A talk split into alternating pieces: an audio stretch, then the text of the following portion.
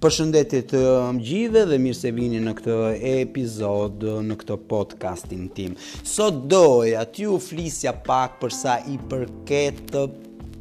njërës nga problematikët që shumë femra sot kanë, që është ajo e varësisë afektive, varësisë relacionale. Kur neve flasim për varësi afektive, kjo mund, mund ta shikojmë ndaj, ndaj familjes, ndaj partnerit, ndaj biznesmenit, ndaj menaxherit, ndaj politikës, ndaj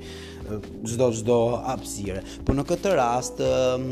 doja të ndaja me ju pak përvojën time përsa i, i përket punës time si, si psikolog dhe psikoterapist në Itali. dhe me atë që më ka ndodhur përpara një jave me një paciente, me një kliente që më kërkon me fjalë ndihmë përsa i përket kësaj varësisë emocionale e afektive që ajo ka që ajo me fjalë ka ndaj meshkujve, ndaj partnerëve që mund mund mund të ketë, po edhe ndaj familjes ose gjinisë mashkullore e me fjalë etj etj. Mm, pacientja është kjo, është 40 45 vjeçare, mm, është sot një nënë, është punon në një agjenci të sigurimeve shoqërore, ka një partner me të cilën shpesh e shpesh ka konflikte sepse partneri në një farë mënyre është ai që vetëm udhëzon, drejton, don vetëm të ketë të drejtë ai dhe kjo faktikisht e ndjen veten si një skllave në një farë mënyre. Ajo brenda saj është një person që ka shumë ide të mira, është një person që ka idetë e saj dhe sigurisht din edhe të menaxhojë jetën e saj, po sa herë që bashkëbisedon dhe me të dhe sa herë që hyn në komo komunikim me partnerin, ajo uh,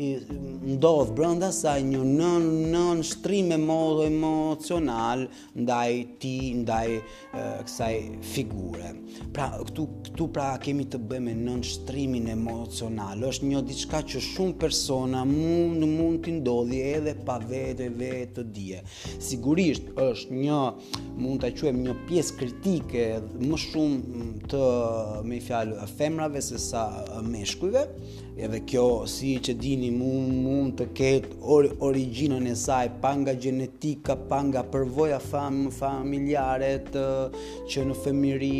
pak nga stili prim prindërimit me në të cilin personi është rritur sepse në shumë raste të tilla unë kam pas kam parë persona që kanë që kanë mësuar një stil prindërimi me disa prindër që unë ata mund t'i quaj evitues, janë ato prindër që nuk ia rreh shumë për me një fjalë botën e brendshme të fëmijëve të tyre, po janë vetëm prindër moralistë, prindër që edukojnë fëmijën, po vetëm dhe nga ana morale, pra ti duhet po të bësh këto, këto, këto, këto, po, po dhe mjaft, Po pa pasur atë lloj kuj kujdesje mo emocionale e afektive ndaj fëmijës. Këta janë ato me një fjalë me një fjalë prindër që unë mund t'i quaj prindër evitues. Mund të kemi edhe një stil prindërimi ambivalent, pra disa prindër që ndonjëherë ndëshkojnë fëmijën, ndonjëherë tjetër të keqen mami, të keqen babi, fëmija nuk arrin dot të kuptojë dhe këtë lloj konfuzioni, këtë lloj marrëveshje po dhe me ta. Kemi pastaj një stil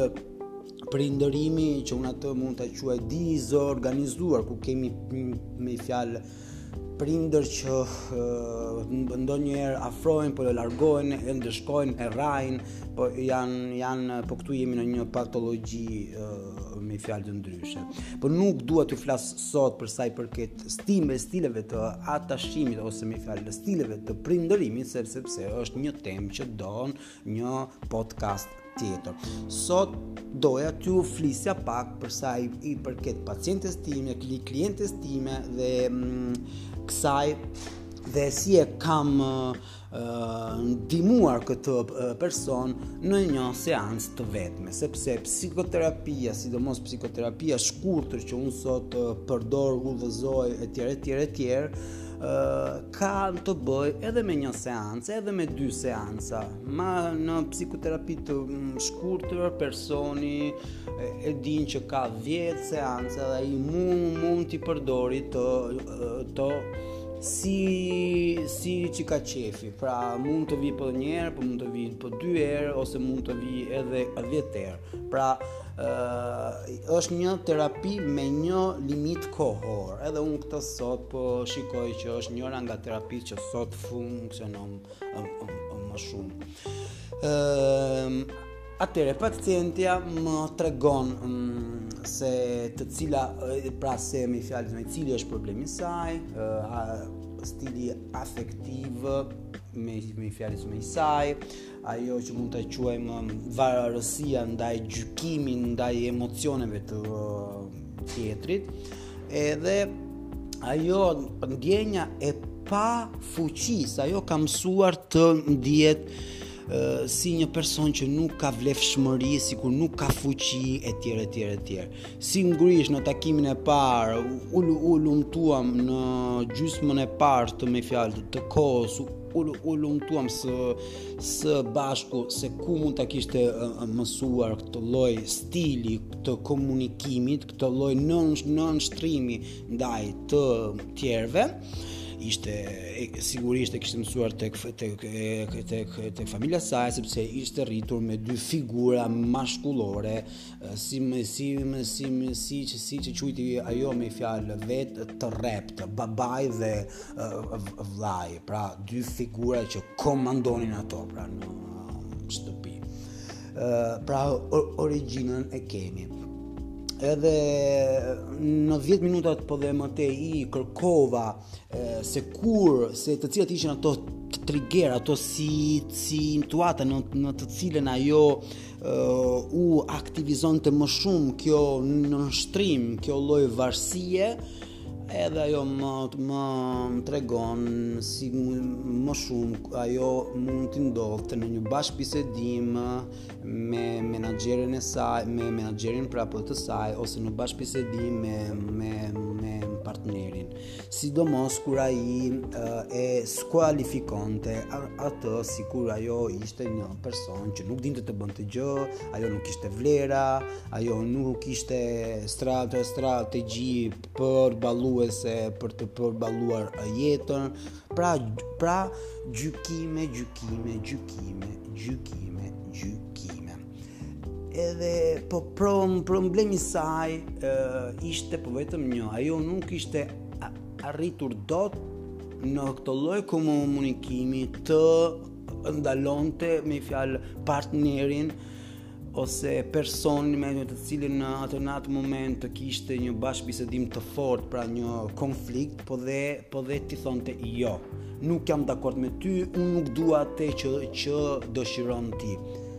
kjo ishte ajo që mund të që neve në Itali mund mund ta quajmë atto mancato pra akti i munguar që ajo asnjëherë nuk e kishte nuk e kishte me fjalë bërë duke dëgjuar këtë lloj historie dhe nga fjalët e saj, më vjen në, në, në mendje koncepti me të cilën një psikolog që në Itali është shumë famos, që quhet Nardone, e me fjalë ka quajtur këtë lloj marrëveshje relacionale. Më vjen koncepti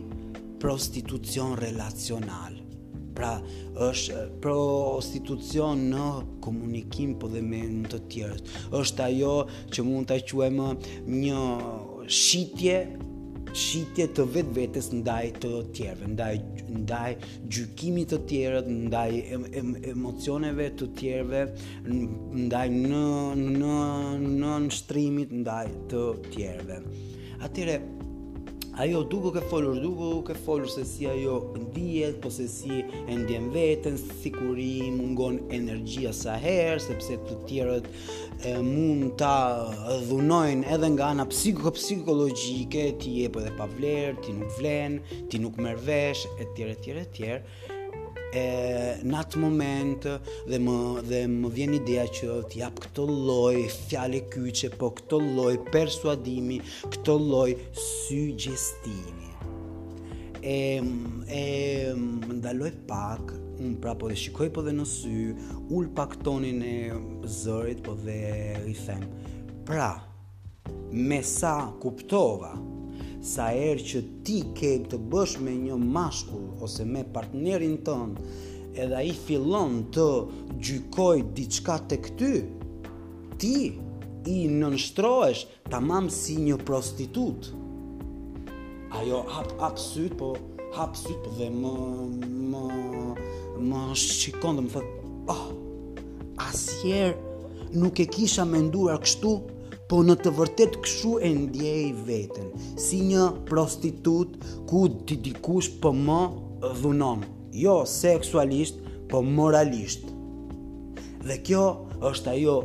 ajo me fjalë që mund ta quajmë Ajo pers persuadim, ajo fjalë kyçe që hipnoterapisti më i madh në botë Erikson përdorte sa herë me pacientët e tij.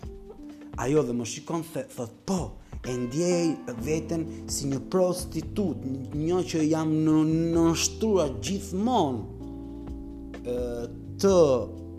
tjerëve ne nevojave të tjerëve, po asnjëherë nevojave që unë kam kam kam pasur për vetveten time. Atëherë po jemi dhe në fund të seancës dhe unë i them. Atëherë sa herë që sot e tutje, sa herë që ti do të hysh në komunikim dhe me një figurë mashkullore, ose do të kesh një bashkëbisedim me menaxherin tënd, me partnerin tënd, ose me vëllain tënd dhe me babain tënd, edhe ata fi fillojnë përsëri të të gjykojnë të të shkojnë e tjerë e tjerë e tjerë dua që ti të mbash në mendje imazhin e një prostitute relacionale. Pra, ti duhet të mbash po dhe në mendje që që rreziku që ti je duke u përballur është ajo që ti të për për përfundosh si një prostitutë relacionale, si një pros, prostitutë e relacionit. Pra je duke shitur vetveten në një komunikim, në një lidhje, në një relacion. Ajo absolut thotë besoj se kjo është hera e parë që po kuptoj se si e kam ndjerë veten gjatë gjithë këtyre viteve. Pra, seanca mbaron këtu,